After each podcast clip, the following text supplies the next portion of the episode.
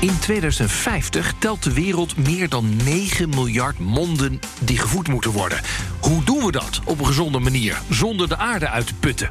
Komt ons eten over 30 jaar vooral uit een laboratorium... of gaan we terug naar puur natuur?